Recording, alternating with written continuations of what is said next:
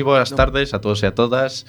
Eh, eu son Sergio Lavau e eh, estamos presentando un novo programa de A Fume de Carozo. Eh, hoxe en día os videoxogos son o maior entretenimento do mundo eh, xove e eh, hoxe neste programa de A Fume de Carozo imos falar un pouco da industria do videoxogo xunto co meu co, co presentador Bruno. Eh, boas tardes, Bruno. Boas tardes. eh, e os nosos compañeiros Pablo Sánchez. Hola. Eh, Gustavo Manuel Ortiz. Buenas eh, Borja Aguiar. Hola. Agora comecemos con o noso, time, eh, con noso itinerario. Imos comezar cun par de listas, unha presentando e explicando as mellores sagas de videoxogos de todos os tempos, segundo a nosa elección e os títulos que tedes a ter en conta na última década. Despois pasaremos a falar sobre dous importantes eSports, é dicir, dúas competicións de videoxogos importantes. E como remate, sacaremos un tema pouco falado como é o da empresa de videoxogo na nosa querida comunidade autónoma, Galicia. Bueno, eh, agora imos comezar cunha pausa de musical eh, de Herdeiros da Cruz de Jar, do disco Jarro con Fe. Eh, bueno, e comezaremos logo coa primeira lista.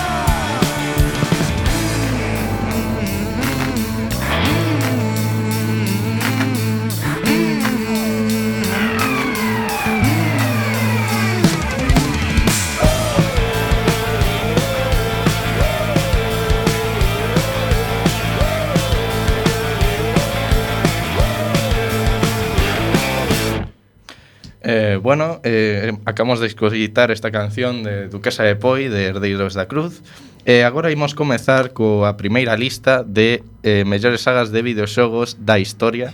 Eh, esta lista, para empezar, non ten orde. Eh, vai comezar o noso compañeiro Borja Guiar.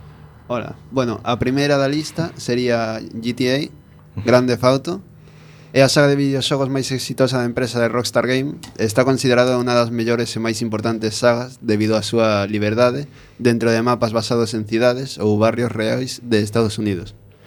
Pero cambiando os seus nomes, por exemplo, Os Anxos pasaría a chamarse Los Santos.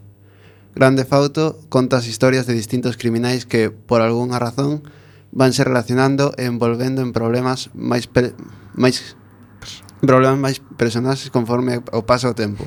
Os personaxes precisamente por ser criminais son xeralmente antagonistas e son distintos en cada entrega da saga, a cal consta de 16 títulos e destacan Grande Fauto 5, Grande Fauto, San Andreas. Eh, ahora eh, vou falar eu que sobre a saga de videoxogos Super Mario, que é unha das sagas máis importantes da empresa Nintendo está considerada un dos mellores títulos de plataformas do mundo gracias aos seus cómodos controis e aos seus orixinais niveis e mapas. Nesta saga topamos a historia dun fontaneiro, Mario, que vese na obligación de salvar a princesa do reino no que vive, Peach, das mans do malvado monstro Bowser. Ahora imos deixarles con Pablo Sánchez.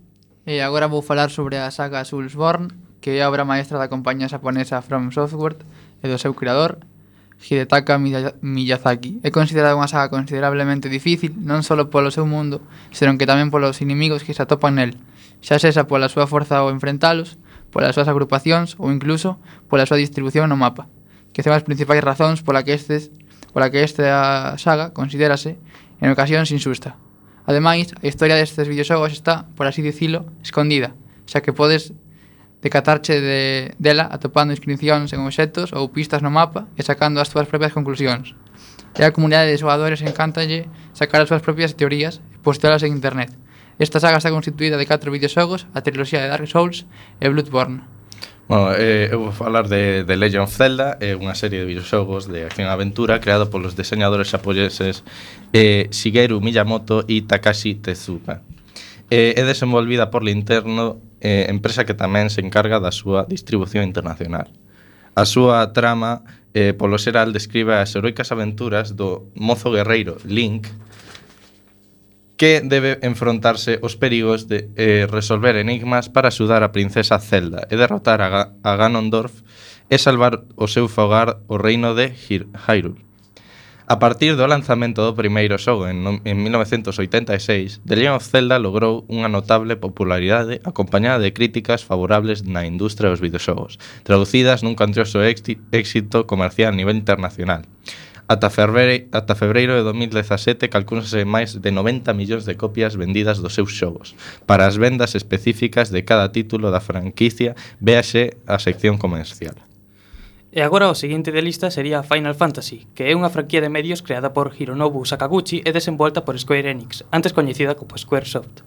A franquía céntrase nunha serie fantástica de videoxogos RPG. A serie comezou en 1987 co videoxogo homónimo, desenvolto por Hironobu Sakaguchi como o último intento da, na súa carreira. O xogo foi todo un éxito e permitiu o desenvolvemento de numerosas secuelas e spin-offs. Desde entón, a serie estendeuse a outros medios, incluindo películas animadas, anime, medios de comunicación impresos, entre outros.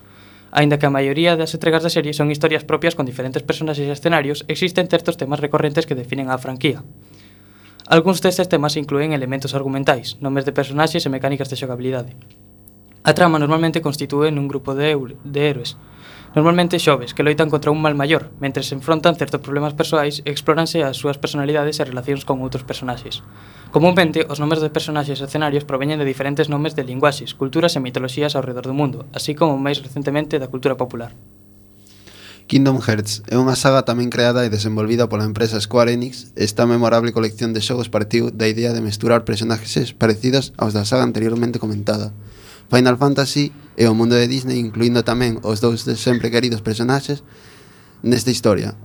O noso protagonista será eh, Sora, un neno que parte dunha aventura para topar a súa amiga Kairi, que foi raptada por alguén descoñecido, o seu amigo Riku, e foi consumido pola escuridade. Para isto, usa o poder dunha arma lendaria, a chave espada, que como ben indica o seu nome é unha espada con forma de chave, que dende hai moito tempo só hai unhas poucas no mundo e as posúen persoas moi poderosas. Na súa viaxe, Sora atravesa distintos mundos de películas e series Disney, buscando pistas sobre o paradeiro dos seus amigos e coñecendo importantes aliados, como os míticos Donald e Goofy. Sabemos que esta que ta sinopsi e eh, fai que parece un xogo moi infantil, pero non deixa de ser o título con unha historia complexísima e interesante debido a temas como saltos temporais e historias paralelas. E é por isto que a súa comunidade de xogadores está composta por máis xente adulta que por nenos. Ahora imos falar sobre Resident Evil. É unha serie de videoxogos de supervivencia de terror, é unha serie de cómics, novelas, filmes e unha manchea de coleccionables, como figuras de acción, guías de estrategia e publicacións. Foi desenvolvida pola compañía Capcom e creada por Shinji Mikami. A serie vendeu máis de 35 millóns de xogos ata marzo de 2009. Os últimos títulos desta saga son un remake do segundo do Resident Evil 2 e o Resident Evil 7 Biohazard. Ora dejamos con Pablo. Eh, vamos falar de, de Elder Scrolls. The Elder Scrolls é unha serie de videoxogos de rol caracterizada pola súa gran liberdade na formulación e gran extensión territorial. Nesta serie, o xogador participa nunha historia épica no continente de Tamriel, tomando parte fundamental nos acontecementos, normalmente de carácter apocalíptico, de cada era. Cada episodio simboliza un Ender Scroll, é dicir, unha especie de pergamiño de extensión descoñecida, onde quedan escritas as fazañas do xogador. Estes existen desde o principio do imperio creado. A tradición deste xogo dita que o heroe ao cal da vida o xogador empeza como un simple prisioneiro, resultando liberado dunha ou outra forma nos primeiros compases do xogo e recibe a partir de aí total liberdade para seguir a historia principal ou explorar o mundo e realizar multitude de misións e tarefas secundarias. Esta liberdade de acción para o xogador deu un gran renome a esta serie. A historia principal desta saga consta actualmente de cinco entregas e espérase que apareza unha nova a finais de 2020. Eh, o Metal Gear Solid é unha saga de videoxogos creada por Hideo Kojima, desenvolvida e publicado pola, pola compañía Konami. O xogador toma o control dun soldado de élite. Dependendo de que Metal Gear se trate, poderás controlar a Solid Snake, o, o protagonista de Metal Gear Solid 1 e Metal Gear Solid 4 e Metal Gear Solid 5, o soldado Raiden adestrado por realidade virtual que controlas na segunda entrega é a Naked Snake, que máis tarde coñecido como o Big Boss, que controlas durante o Metal Gear 3 eh, que é cronolóxicamente o primeiro de todos. Ora imos terminar esta listaxe co Pokémon, que é outra das sagas máis importantes da empresa Nintendo, desenvolvida pola desarrolladora Game Freak. É unha das sagas de RPG máis famosas do mundo, gracias aos seus carismáticos personaxes e grandes historias.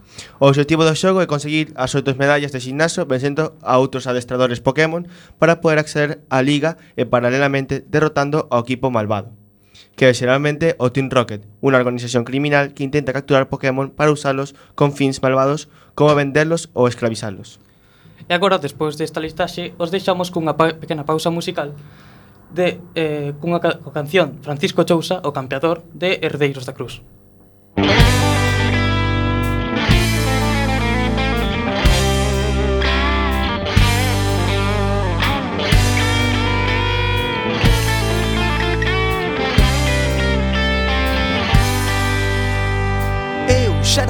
a dónde ir. Con 15 anos era un porvenir. Non sei se algún día volverei a ser un forajido de la lei. Non quero ir. A miña cousa púxose a dormir. Desperta solo pa deixar mí. Busca un oso que o teña ben Si é que a droga no deixou a men Eu que levantaba jabalís E con 60 non levanto nin a pis Dallo bombín Que eu son Francisco Chousa el cambiador Despertastes o meu ángel del amor El ojo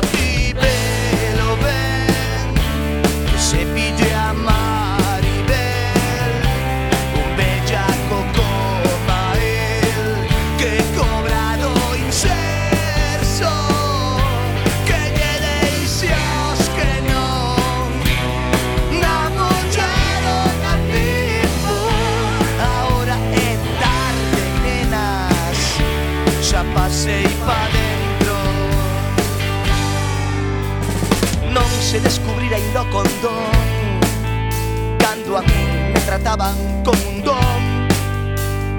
Don Francisco pase por aquí. La señorita lo quiere recibir. Xa estou por fin. Botei uns cantos anos a dormir. E ti fasme rebulir El ojo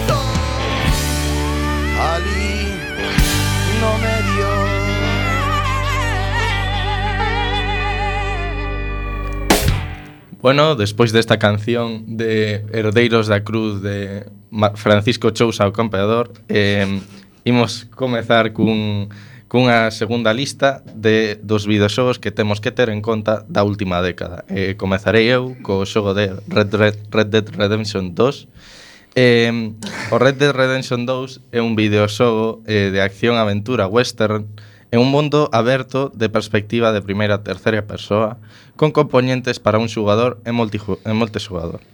Eh, foi desenvolvido por Rockstar Studio e a, e a precuela de Red Dead Redemption e o terceiro xogo da saga Red Dead.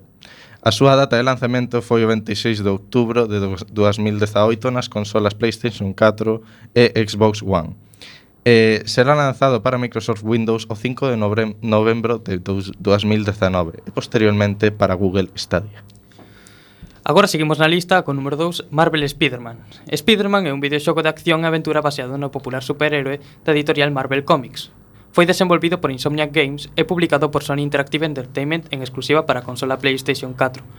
Trátase do primeiro videoxogo licenciado desenvolvido por Insomniac, O seu lanzamento internacional produciuse o 7 de novembro de setembro de 2018.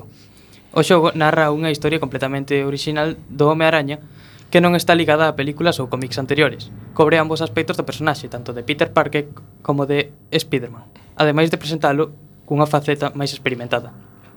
Durante o transcurso da historia, Spider-Man debe facerlle fronte a unha gran variedade de famosos inimigos, tales como Mr. Negativo, Electro, o Boitre, Rino e Escorpión, A saga de Spider-Man é actualmente unha das sagas que, com, que empezou cos videoxogos inspirados en superhéroes e que, dende o principio, as vendas foron masivas.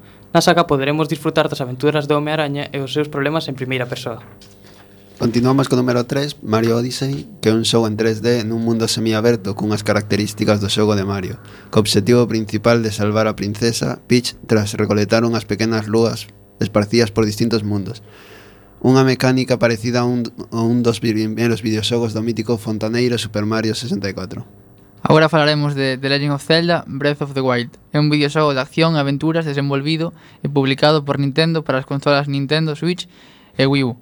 O xogo forma parte da franquicia The Legend of Zelda e conta a historia do protagonista Link con amnesia, que espera dun soño de 100 anos. Unha misteriosa voz que o guía cara a derrota de Calamity Ganon antes de que poida destruir o reino de Hyrule. O xogo tipo un longo período de desenvolvemento que abranqueu cinco anos. Ao concibir Breath of the Wild, o produtor Eiji Aonuma quiso reformar as convencións de modo de xogo da serie Zelda. Como resultado, o modo de xogo introduce novas mecánicas e deseños, incluindo un espazo de mundo aberto, un detallado motor de física, visuais de alta definición e dobraxe de voces. Anunciado en 2013, o xogo foi proposto para a súa estrea exclusiva para Wii U en 2015, pero foi adiadado dúas veces até a súa estrea internacional o 3 de marzo de 2017. Orimos falar de Pokémon Platino, que foi no seu momento un dos videoxogos RPG máis aceptados pola comunidade de Pokémon.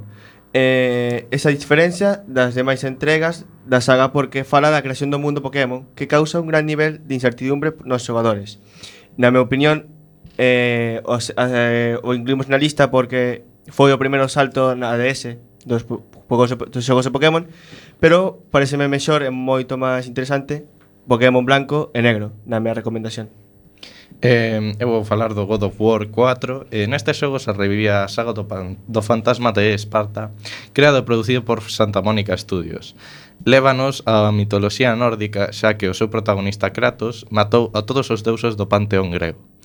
Neste videoxogo destaca pola súa historia e xogabilidade, xa que innova con respecto aos anteriores títulos nos cambios de cámara e na incorporación dun personaxe que comparte o protagonismo con Kratos, o seu fillo Atreus. Eh, Complementase cada un ao teu punto que parece que controlas os dous personaxes aos, ao mesmo tempo, transformando, transformando, conseguindo un cambio importante na súa habilidade. Estes cambios ao principio consideráronse moi arriesgados porque poderían botar a perder a franquicia, xa que cambiar algo que antes funcionaba moi ben por algo que non sabes se lle gustará tanto ao público é un movimento moi atrevido nesta industria. Ao final, resultou ser todo un éxito entre a comunidade tanto que por iso merece estar na nosa lista de videoxogos máis, máis destacados da última década. E agora seguimos na lista co número 7, Assassin's Creed, La Hermandad. Assassin's Creed Brotherhood é un videoxogo de acción-aventura e sigilo de ficción histórica, desenvolvido por Ubisoft Montreal. O xogo foi lanzado a nivel mundial para PlayStation 3, Xbox 360 e comezando en América do Norte, o 16 de novembro de 2010. Máis tarde, foi lanzado para Microsoft Windows en marzo de 2011, e eh, seguido por unha versión para os X en maio de 2011. É a terceira entrega da serie de Assassin's Creed e o segundo episodio ou secuela de Assassin's Creed 2. Conta novamente con Ezio Auditore da Firenze como protagonista, que agora é o lendario mestre asasino que lidera a súa recente fundada irmandade na cazaría dos templarios en Roma. A historia de Assassin's Creed Brotherhood ten lugar inmediatamente despois da trama de Assassin's Creed 2, co asesino do século XVI en Italia. Eche Auditore e a súa busca para restaurar o orde dos asesinos e destruir os seus inimigos, a familia Porquia. Continuamos con número 9 de Witcher 3. The Witcher 3 Wild Hunt é un videoxogo de rol e acción en mundo aberto, desenvolvido polo estudio polaco CD Projekt Red. É o terceiro título da serie precedido por The Witcher e The Witcher 2, Assassins of Kings, que están baseados na serie de novelas homónima do autor polaco Andrzej Sapkowski. Xogado na perspectiva da terceira persona, o xogador controla o protagonista Gerald de Riva, un cazador de monstruos coñecidos como Witcher, que comeza unha longa viaxe a través do Reino de Norte. Os xogadores loitan contra os diferentes perigos do mundo empregando armas de magia, mentre interactúan con personaxes e completan misións para progresar na historia. Eh, imos rematar esta lista con The Last of Us, un, un videoxego de acción e horror desenvolvido por Naughty Dogs e distribuído por Sony Computer Entertainment, exclusivamente para a PlayStation 3 foi estreado oficialmente o 2 de decembro de, 2010, de 2011 durante a Spike TV Video Game Awards e a súa estreia mundial fíxose o 14 de xuño de 2013. The Last of Us é un xogo que sitúa nunha apocalipsi onde a maior parte da poboación terrestre foi infectada por un virus que lles fai comportarse como zombies. A historia trata sobre a misión dun home de levar a súa nena inmune ata a base dunha organización onde poden aproveitar Esta cualidade da chica para topar unha cura. Eh, este videoxogo recibiu críticas que lobaron o seu guión, a actuación de voz, o diseño do seu na dirección de arte, a súa narrativa foi aclamada pola caracterización dos personaxes e a descripción da condición humana, que antixe temas como o sacrificio, a lealdade, o destino e a esperanza. E agora, na terceira pausa musical, vamos a deixarvos coa canción Non che teño medo do grupo Heredeiros da Cruz.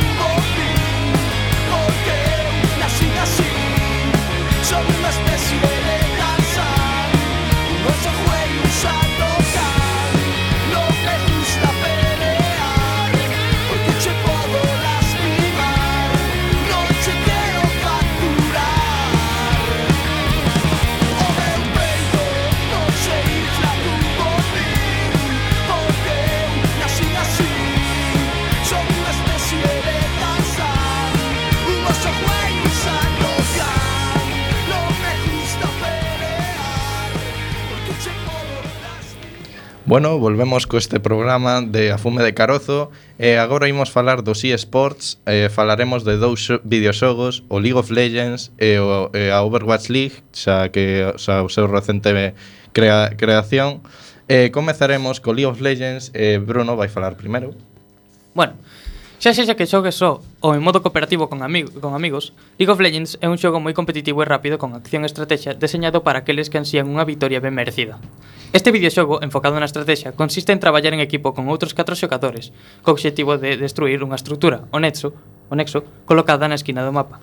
Hai dos nexos, cada un pertence a un equipo, situados en esquinas opostas, e para chegar a eles hai un total de 11 torres que, serán, que terán que ser destruídas, xa que atópanse defendendo as tres rúas das que está dividido o mapa.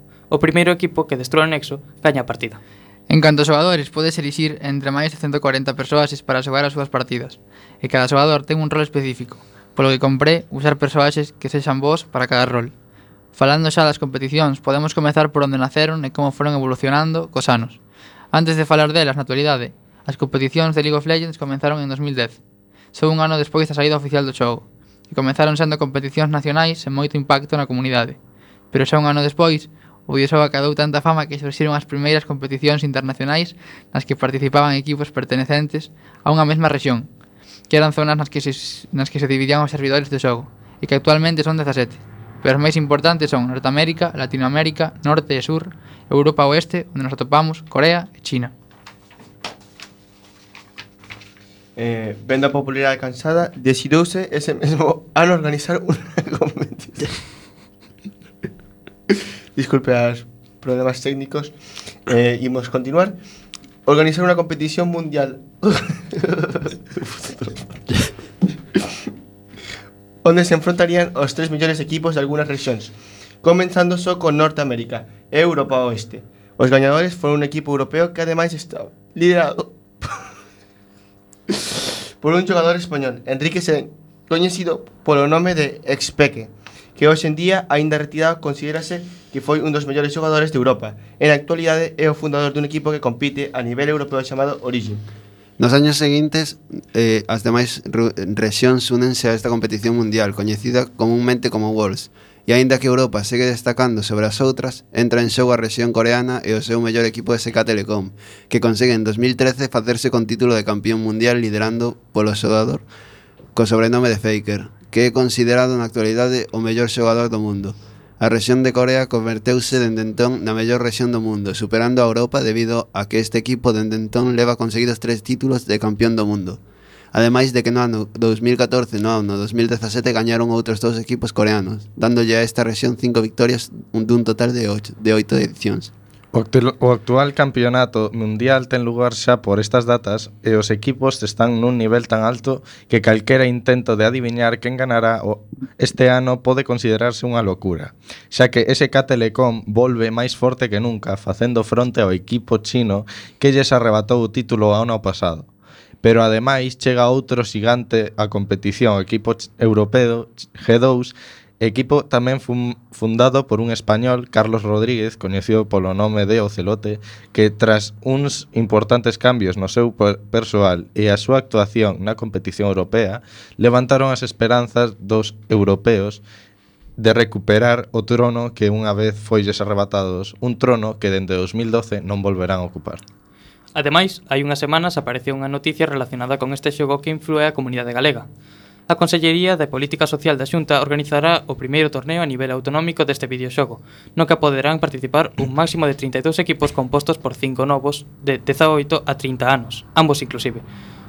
O prazo de inscripción, que debe ser online, abriuse este sábado ás 4 horas. A directora xeral de Xuventude, Participación e Voluntariado, Cristina Pichel, foi a encargada de presentar a iniciativa no espazo Xove de Noia, a Coruña. Estivo acompañada por representantes da Asociación Juvenil A Grota, que se encargarán de xestionar o programa. Segundo detallou a directora xeral, trátase dun proxecto pioneiro en Galicia, e que terá lugar nos 12 espazos xove xestionados pola Administración Autonómica. Tamén explicou que antes do inicio de cada competición organizarás unha acción formativa centrada no uso responsable dos videoxogos. En cada encontro deste torneo participará un número de equipos que dependerá da poboación do municipio onde se sitúa cada espazo xove. Deste xeito, nos concellos con máis habitantes poderá haber ata un máximo de 4, mentres que na de menos poboación a competición será entre dous equipos. Cada formación estará composta por cinco novos, ademais de outros tantos suplentes, dos cales un actuará como capitán. Tras esta fase inicial, os 16 equipos clasificados acudirán a unha fase final, cuxa data e lugar de celebración será determinado próximamente pola Dirección Xeral de Xuventude. Participación e voluntariado. Iso, si, sí, terá lugar en fin de semana, os gastos de mantemento e aloxamento correrán a cargo da Xunta. Bueno, eh, agora vou falar eu da Overwatch League.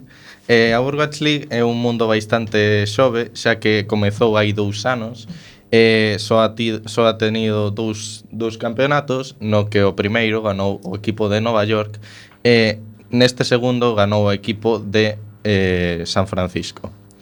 Eh, nesta competición se fan varia, varias rondas nas que cada equipo fai 4 partidos, eh, estes catro partidos eh, ten que ganar catro partidos cada un dos, dos equipos para ganar o partido inteiro. Eh, no, neste ano, a, fi, a, a final de, de San Francisco e Vancouver foi bastante equiparable. O equipo de San Francisco se levaba unha boa racha ganando sempre a todos os equipos 4 a 0. E Vancouver estaba bastante ben tamén, ganando a maioría 4-3, 4-2 e 4-1. Eh, neste, neste partido foi presentado por un DJ eh, comezou cun, cunha vitoria, vitoria prestante de San Francisco co, co personaxe de Dumfries eh, controlado por Sinatra un dos mellores xogadores do mundo.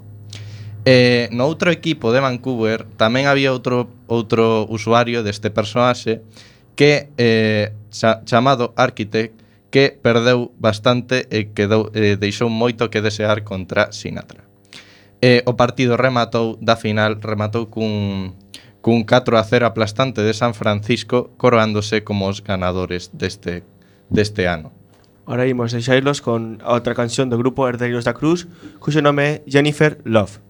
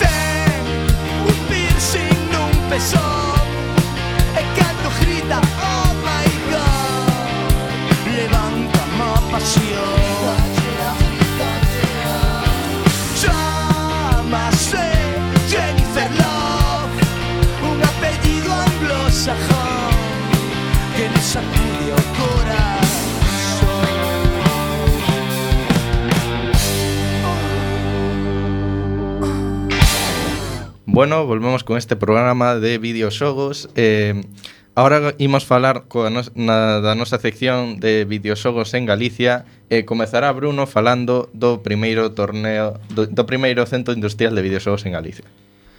Nace o primeiro centro industrial de videoxogos en Galicia. Hai tempo que o cine eh, tivo que deixar paso ao videoxogo como a industria cultural máis potente. As cifras son claras, os videoxogos fa, eh, facturan en España un un, eh, 1.359 millóns de euros segundo a Asociación Española de Videoxogos, máis do dobre do recadado pola, set, pola sétima arte, 602 millóns de acordo co, aos datos ofrecidos polo Ministerio de Educación, Cultura e Deporte.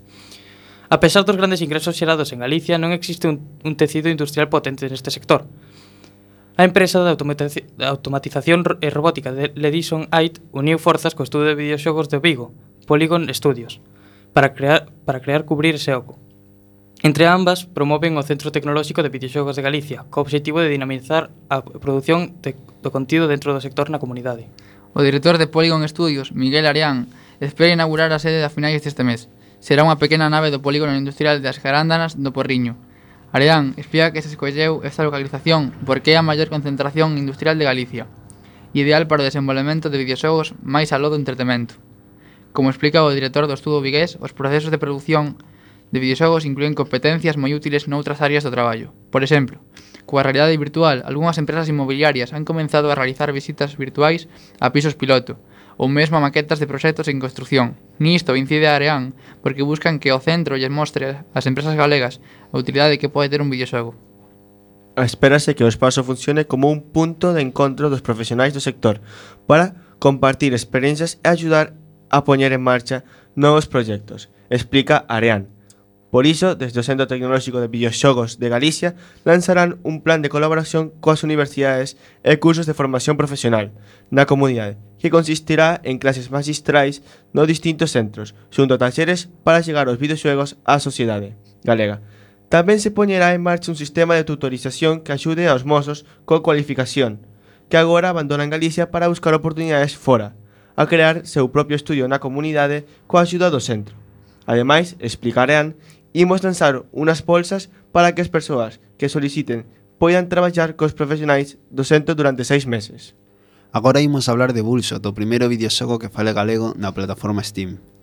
O estudio coruñés Gato Salvase creou o primeiro videoxogo en galego da plataforma Steam de distribución digital e de, e de servizos multixugador de xogos para sobremesa e para PC, que consta con 142 millóns de usuarios activos en todo o mundo. Bullshot é o nome deste título de acción, Rápido e Sinxelo, protagonizado por Frankie F. Frank, o personaxe central da, da súa saga de aventuras ARK.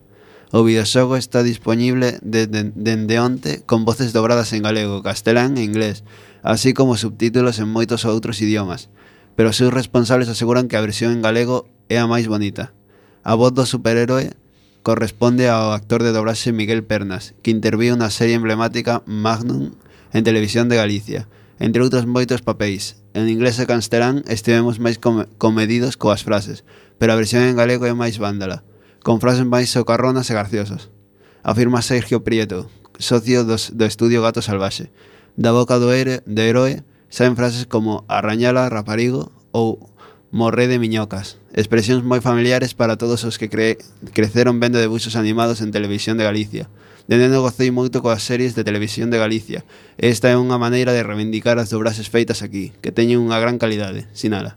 O responsable de Gato Salvaxe asegura que Bullshot é un videoxogo dirixido a un amplo espectro de público, pois, aínda que a súa principal misión é avanzar como coheroe, escapar e matar inimigos, hai sangue, pero non é gore, nin moi sanguento, senón gamberrete, e e cons, con sons propios de debuxo animado. O prezo do xogo é de 90 céntimos de euro e podrá, podrá conseguir a na dirección.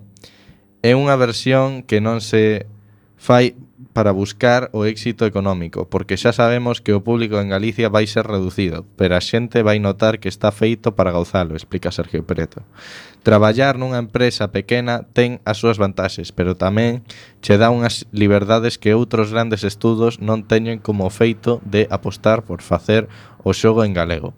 Frankie F... Ai, eh, Frankie F. Fran, eh, o héroe de Bullshot, é un dos protagonistas da saga de aventuras ARK, eh, coa que o estudo Gato Salvaxe deuse coñecer fai cinco anos e eh, cuso terceiro episodio foi recoñecido como un dos mellores xogos españoles do ano 2015.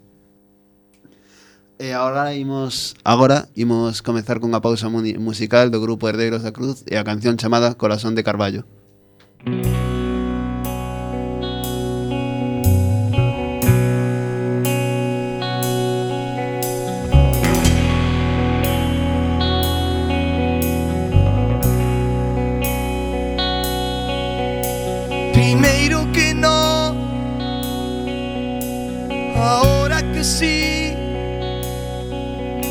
Despois que o vas a volver a pensar.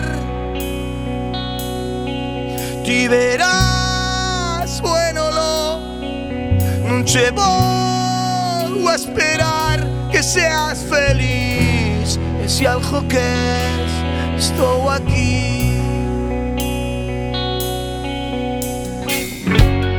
Non se pode borrar solo amor te sin abrazo. Prender el lume a este corazón.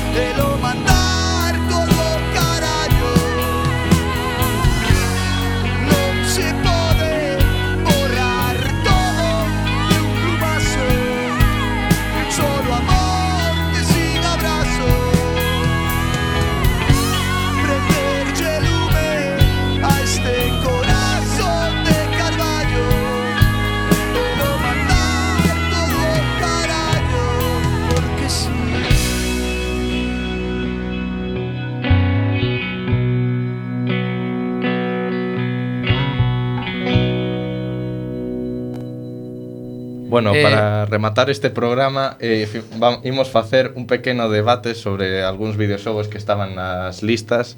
Eh, Comezaremos co GTA Eh, bueno, eh, cosas que decir, chao, chicos. Eh, Bueno, eu penso que o GTA foi, bueno, é un moi bo xogo Pero penso que co paso do tempo eh, o modo online eh, foi degenerando moito eh, Ata o punto eh, de chegar a ser un xogo no que é todo moi monótono e non hai cousas divertidas Pero por sorte eh, a comunidade do GTA de forma non oficial creou outro, outra forma de ver o videoxogo co modo roleplay que penso que Borja, Borja que xoga moito a él poderá falarnos un pouco mellor del eh, hai servidor, servidores nos que tes que pasar unhas regras ou aprenderte como nunha cidade as normas para con, para relacionarte co, ca xente, non? eh, hai servidores que son realmente selectivos, o sea, tes, tes que estudar realmente para entrar no servidor e poder xogar.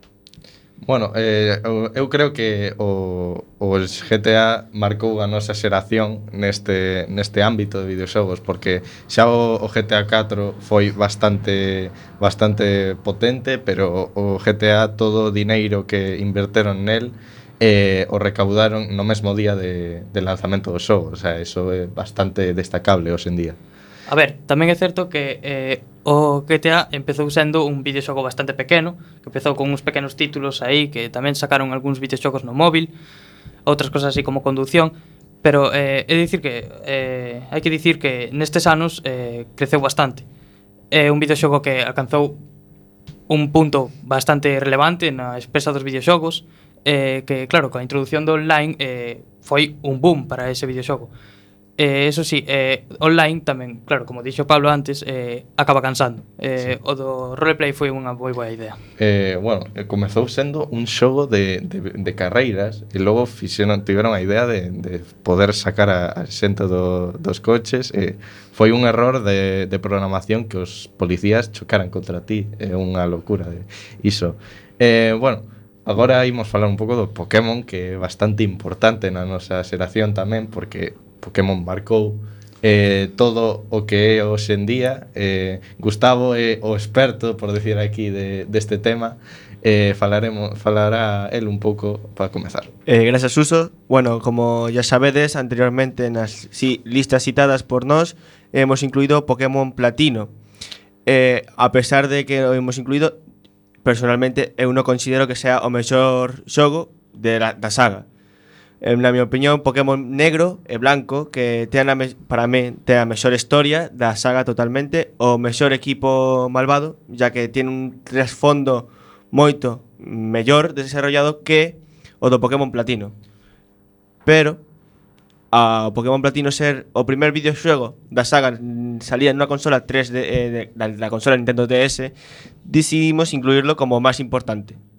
Vale, eh, Gustavo, déxame preguntarte unha cosa. Ti que opinas do, do... Bueno, foi o último que saiu, creo, creo recordar, o Pokémon Let's Go. Como... Eh, eu que pude xogarlo en primeira man, eh, de feito, o primeiro día que saleu o xogo ya estaba xogando, pareceu bastante divertido. Mm, eh, ten bastantes horas de entretenimento e Aunque moita xente se queixou por o sistema de capturas eh, de, dos Pokémons, teño que decir que non é suficientemente exacto que do que tú querías no, normalmente, en moitas ocasións, a Pokéball ti tiras con o Joy-Con, que é o mando do Nintendo Switch, e vaise por onde ti, por onde ela quere. Basicamente como as balas do Fornite. Ten vida propia. Eh, bueno, tamén hai que descatar un, un novo un novo Pokémon, o Pokémon Iberia, que sacaron extraoficialmente, que está basado en España, que pon personaxes eh, característicos de España para para loitar contra eles.